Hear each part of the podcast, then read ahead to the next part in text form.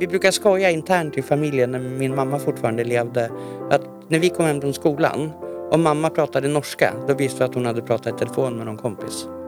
Eh, samma sak när hon var arg på oss. Då skällde hon alltid på norska. Annars pratade hon svenska. I dagens avsnitt av Härnösandspodden möter du Monica Lindberg. En ganska så nyinflyttad Härnösandsbo som vi bokstavligen vill ta pulsen på. Hur mår hon? Hon som blandats in i striden om nya toppposter inom det lokala socialdemokratiska partiet. Hur ser hon på framtiden för Härnösand och framförallt, vem är hon? Ja, välkommen Monica. Ja, men tack snälla. Ja, utanför ditt parti, det socialdemokratiska styrande partiet i Härnösand, så är du kanske inte lika känd för alla. Men du ska veta att när det allra första avsnittet av Härnösandspodden spelades in, då var gästen kommunalrådet Andreas Sjölander. Även han presenterades som något av en doldis den gången. Okänd för de flesta och inte heller så van att prata om sig själv. Hur känner du för det, det här med att blanda det personliga med den offentliga rollen? Jo, men jag tror att det är nyttigt att göra det. Det är ingenting som vi politiker gör ofta, men jag tror att vi måste bli bättre på det. Eh, vi måste låta Härnösandsborna ja, men lära känna oss för att de ska vilja rösta på oss och för att de faktiskt ska se att vårt budskap håller. Ja, för vi är människor. Politikersvar brukar man ju prata om. Ja. Och vad är det? Jo, politikersvar det är när man är man får ganska snabbt lära sig i den politiska världen skillnaden mellan att vara personlig och privat.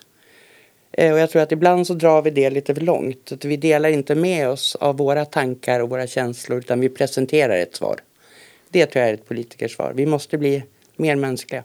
Ja, då har vi det som lite röd tråd i det här samtalet. Förresten, kände du Andreas Sjölander innan flytten till Härnösand? Nej, det gjorde jag inte.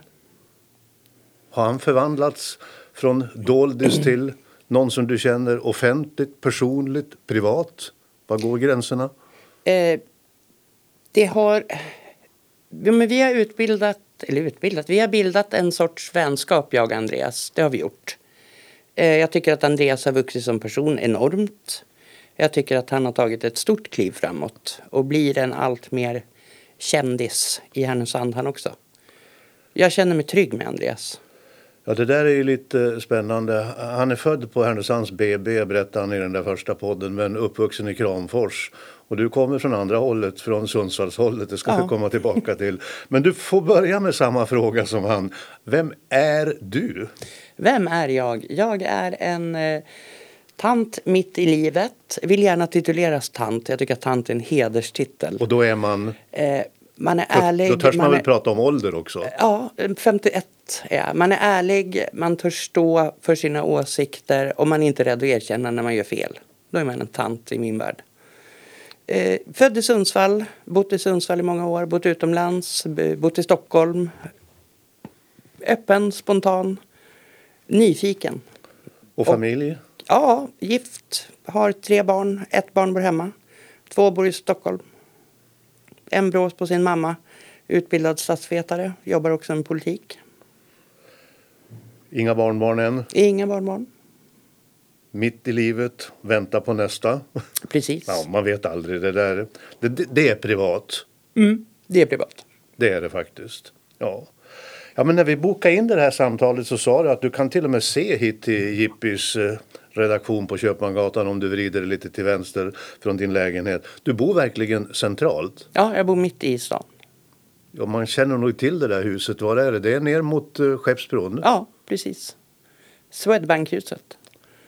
Så Alldeles... när folk frågar vart jag bor så brukar jag aldrig säga adressen när jag säger jag bor i Swedbankhuset. Du säger inte mitt emot skeppet. Det är också en sån här kontroversiell Härnösandsfråga nu. Nej, det säger jag inte. Vad tycker du om det då?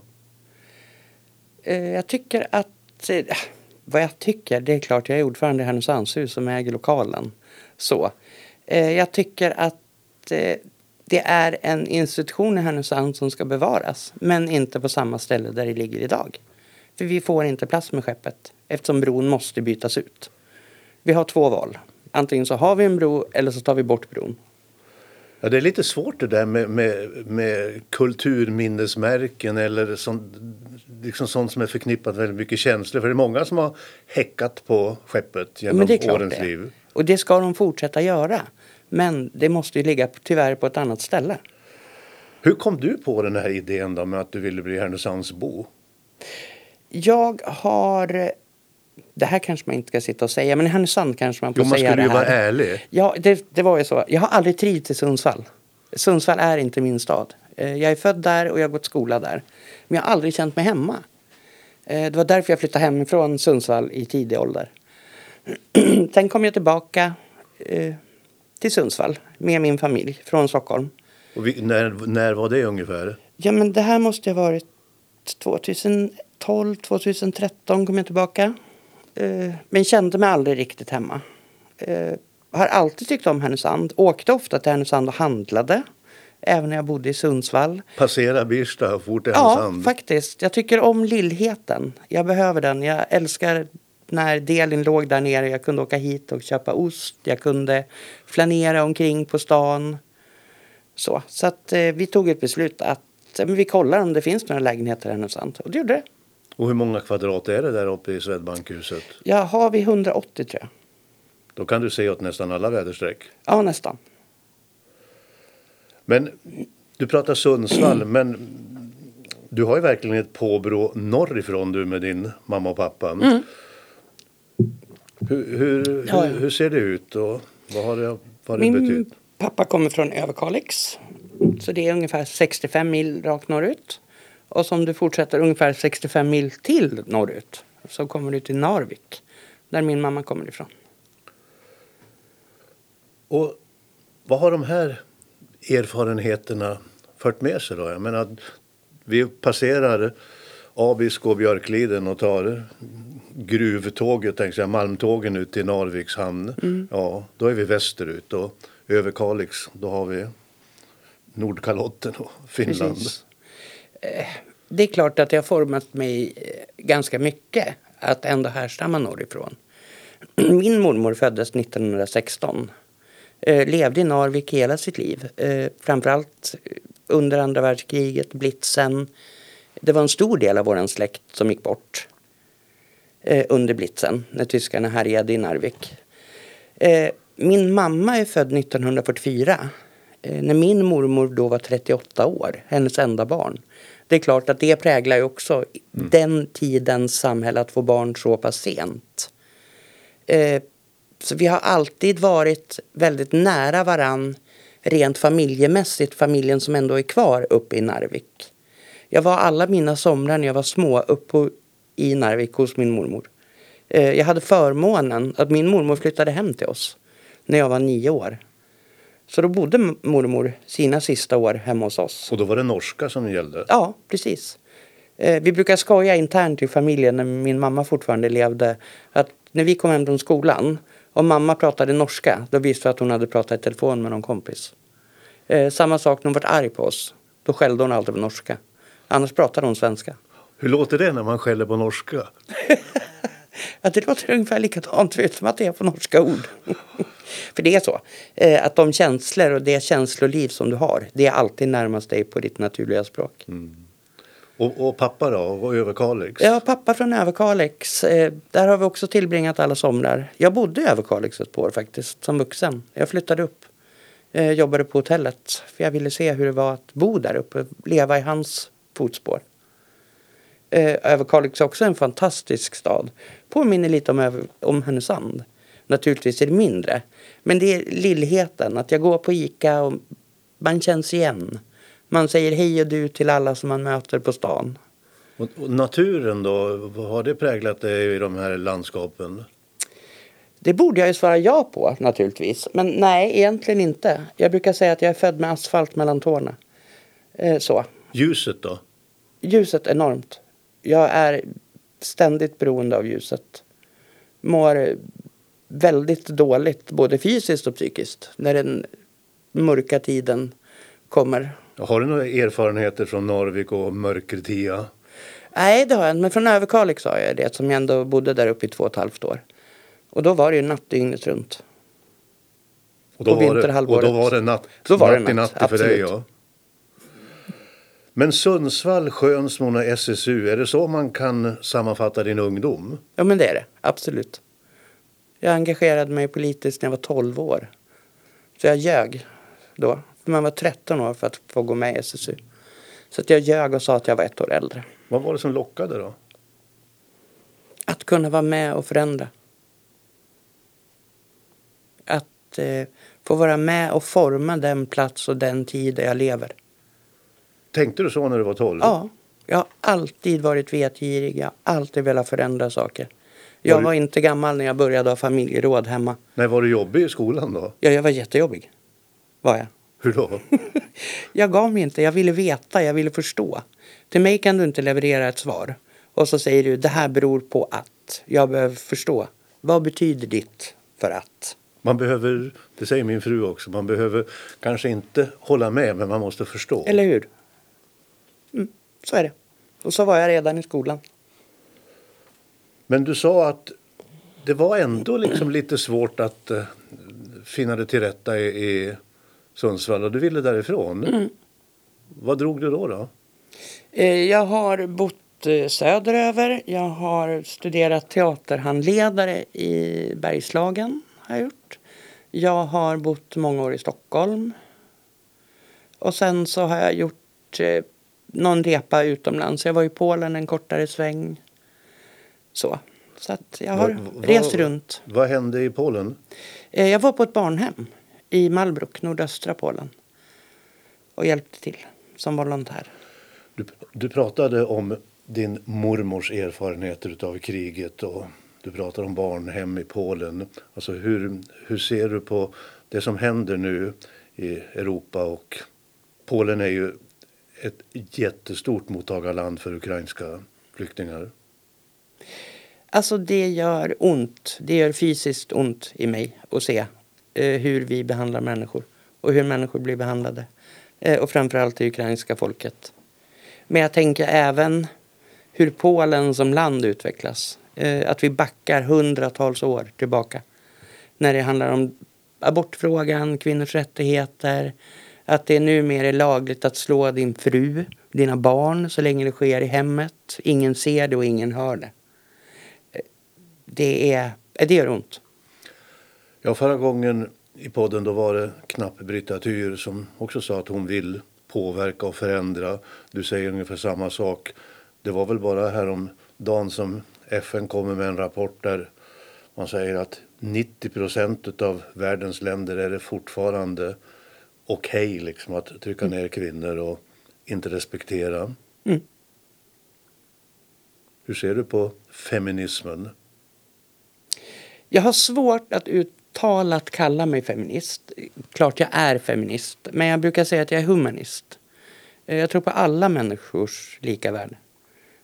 Eh, Jag kan se män som far otroligt illa eh, på grund av våld, fysiskt eller psykiskt våld. Jag kan se så många orättvisor och jag tycker att för mig så är jag bekvämare med att säga att jag är humanist än feminist. Fem snabba frågor. Norge eller Sverige? Sverige? Polen eller Sverige? Sverige.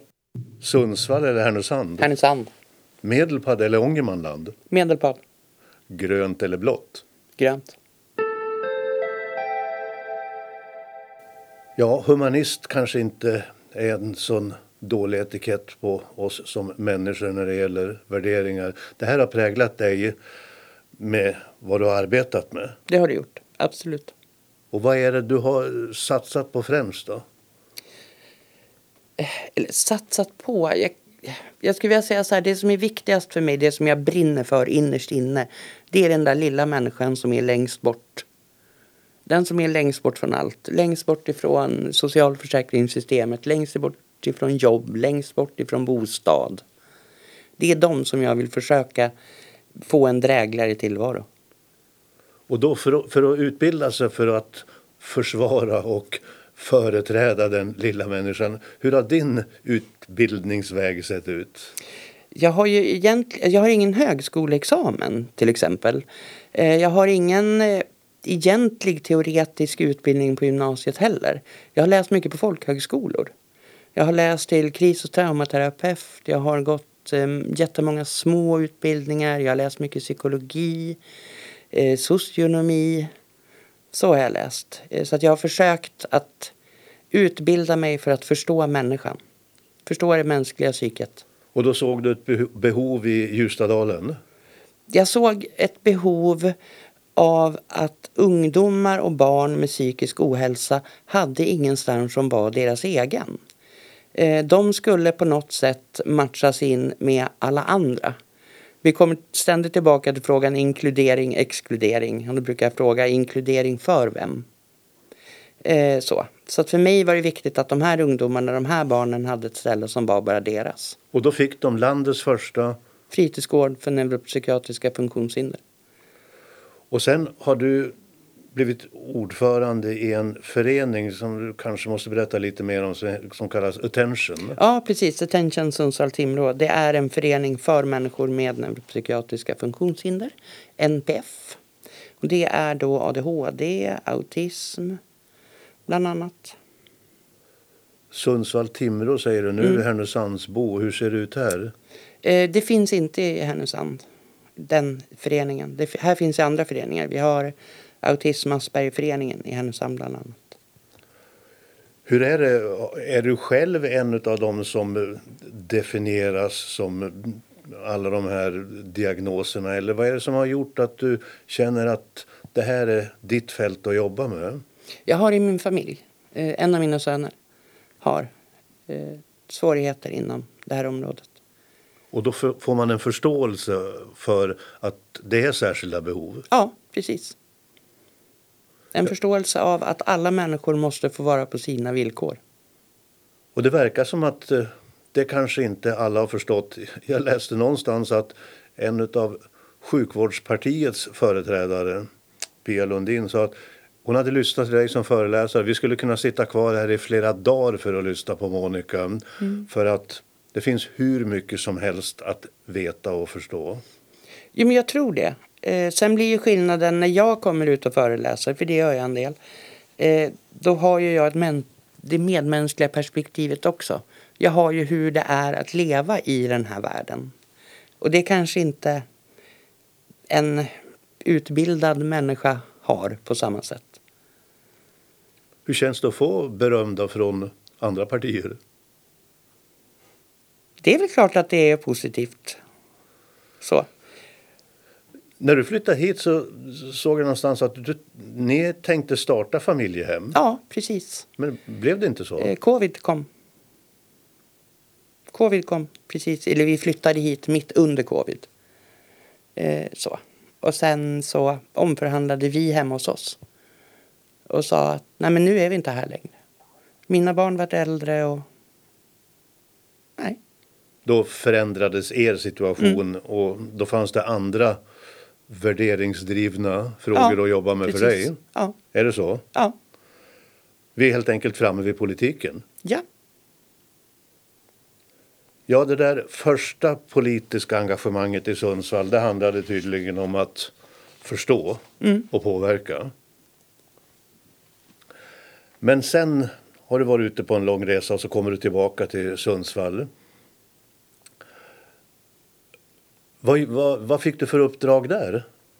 Eh, jag satt i kommunfullmäktige i Sundsvall, jag satt i socialnämnden. Och så jag var ordförande för en mindre förening utanför Sundsvall. Var det, du sa att du inte trivdes, men var det för att förändra Sundsvall? Att, vad ville du göra i Sundsvall som politiker? Eh, I Sundsvall så drev jag också väldigt mycket socialpolitik. Hur ser det ut i våra bostadsområden? Hur har vi det med segregationen? Hur har vi det med... Är alla med på tåget? Alltså de här politiska kontakterna mellan Sundsvall och Härnösand då, hur de... Det har ju, inte, det har ju funnits någon slags rivalitet där. Mm. Hur ser du på det där? Jag tror att vi är på god väg att eh, komma ifrån det. Jag upplever inte att det är lika aggigt och taggigt som det har varit. Vi har ju flera stycken samarbeten. Ja, se, senast så, för tio år sedan ganska precis, mm. så då försvann en stor del åtminstone i Härnösands perspektiv, en stor del av Mittuniversitetet i Sundsvall. Lärarutbildningen bland annat. Mm. Det är ju det här residens och lärdomsstad mot industri och kanske kan man säga de rikas stenstad. Men ser du ett annat samarbete idag? Jo, men det gör jag.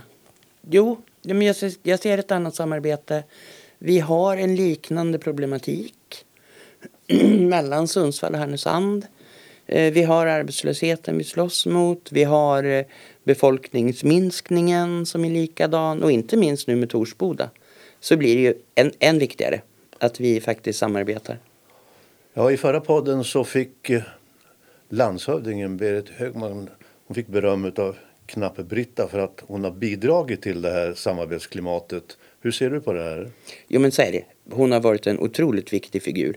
Det är många som har varit viktiga figurer i det här arbetet. Jag tänker att Andreas och Bodil, Peder, Malin Larsson, våra riksdagskandidater har ju också verkligen satt ner foten och pekat att ja, men det här är någonting som vi gör tillsammans.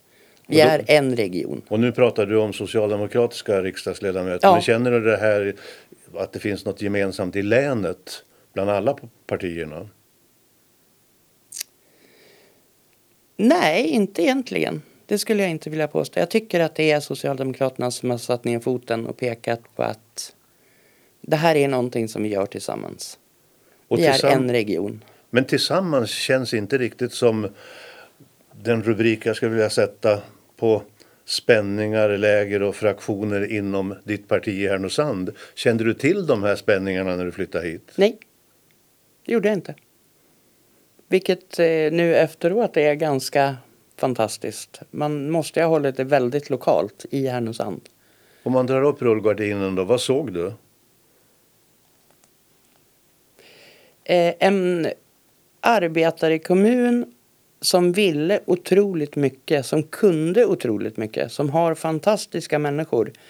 Men som hade såna splittringar att det hände ingenting. Man koncentrerade sig på de interna konflikterna snarare än på att göra verkstad av sin politik. Och, och vad bestod konflikterna i då, för den som inte är så där väldigt lokal och eftersom det ingenting kom ut som du säger? Jag vet faktiskt fortfarande än idag inte riktigt vad de här konflikterna bestod av. Jag har aldrig riktigt grottat i det. Eh, dels för att jag tycker att när jag började engagera mig så var det en känsla utav att nej men nu får det väl ändå vara nog. Nu måste man väl ändå kunna sätta punkt och gå vidare. För det man har trätat om i 10-15 år, hur många år det än är, har vi inte kommit fram till en lösning nu, då kommer vi nog inte att komma fram till en lösning. Men Utan du, då måste man gå vidare. Men du kände dig beredd att ge dig in i lokalpolitiken ändå, fast du såg det här? Ja, därför att politiken är det viktigaste. Och så blev du vald till ny ordförande i arbetarkommunen? Ja. Utan att veta något om Härnösand, om Socialdemokraterna i Härnösand och har bott här i två år. Mm. Ett nytt kapitel på väg att skrivas, eller hur är det? Jag tror det. Eh, jag tror att det behövdes någon utifrån. Eh, för även om jag var ny i Härnösand och även om jag var ny i politiken i Härnösand så var jag ju inte ny som politiker. Men det låter verkligen inte som någon lätt position. Och snabbt tog du tag i frågan om vem som ska leda Härnösands Energi och Miljöaktiebolag, HEMAB. Varför? Det kom ifrån min styrelse. Att eh, vi såg att vi hade problem i det bolaget. Dels utav den interna arbetsmiljöundersökningen men också den externa. Som visade att det här är ett icke-fungerande bolag som det är just nu. Därför klev vi in och sa att vi tycker inte att det här är acceptabelt. Men ändå har Hemab varit ett viktigt bolag för Härnösands kommun. Hemab är, är fortfarande ett otroligt viktigt bolag. Och naturligtvis är det otroligt viktigt att all personal känner sig uppskattade och behövda på jobbet. Och att de har det de behöver för att faktiskt göra ett bra jobb. Ja, hur har det gått då tycker du? Det blev inte så som ni drev först att man skulle byta ledning? Nej, det blev inte så. Eh, man gör ett arbete i Hemab vet jag. Eh, där man har arbetat väldigt noggrant tillsammans med eh, de som gjorde den externa utredningen för ett förändringsarbete. Är du nöjd nu med den nya ordföranden Jasenko. Jag är jättenöjd med Jasenko. Eh, vi har ju både ordförande och vice ordförande. Så att jag vet att Jasenko och Susanne kommer att göra ett bra jobb i Hemab. Men striderna fortsätter ändå. Du förlorade valet som vice ordförande i socialnämnden. Det hur, gjorde jag. Hur, hur kändes det då? Det är ju din fråga det. Ja, det är min fråga. Det är klart, jag var, personligen var jag jätteledsen. Eh, så. Därför att jag är övertygad om att jag hade gjort ett bra jobb där. Men eh, vi är ett demokratiskt parti och medlemmarna sa sitt. Och sen blev det kamp om ordförandeskapet i Härnösandshus och kommunala fastigheter. Men där blev du vinnare. Ja, Och hur känns det då? det känns spännande. Gör det. Framför allt, eh, återigen, Torsboda. Jag tror på den här regionen, jag tror på stan.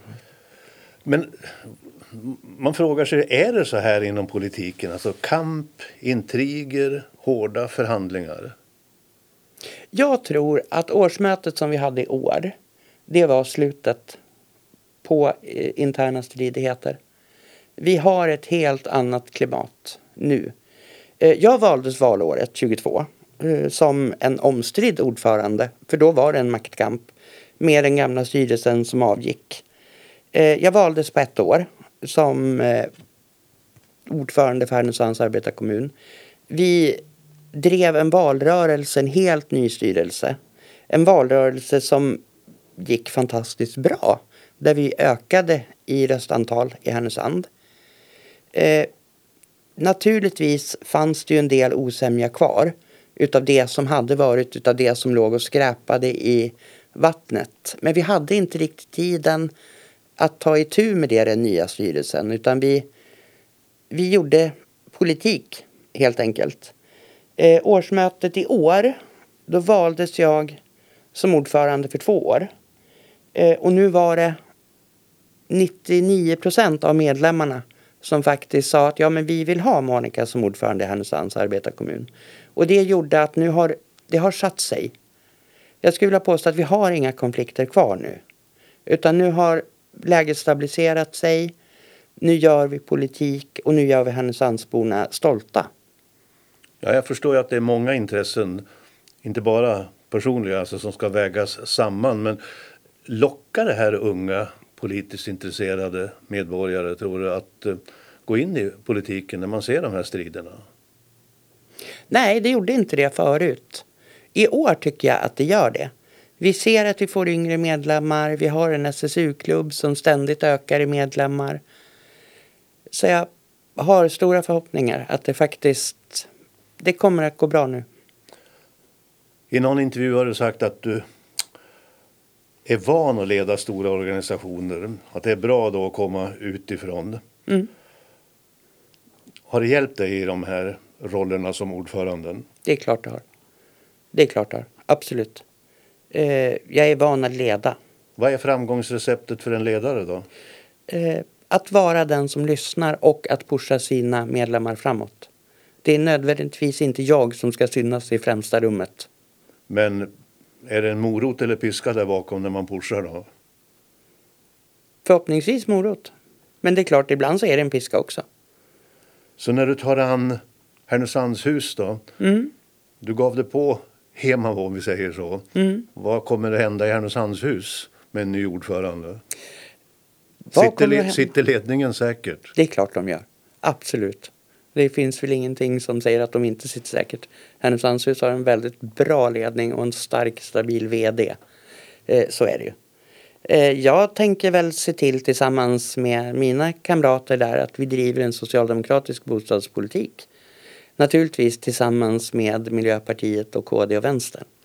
Men eh, vi har ett vi har ett solitt samarbete, vi har ett samarbetsavtal eh, där det står hur vi ska jobba. Snabba frågor. Sommar eller vinter? Sommar, Kaffe eller te? kaffe, Morgonpigg eller kvällsmänniska? morgonpigg, Skogen eller havet? havet. Uppkopplad eller avkopplad? Båda. Torsboda har du varit inne på flera gånger. Alltså, hur ser du på det här projektets möjligheter och framtid? Jag ser på Torsboda med eh, skräckblandad förtjusning tror jag. jag tror på Torsboda.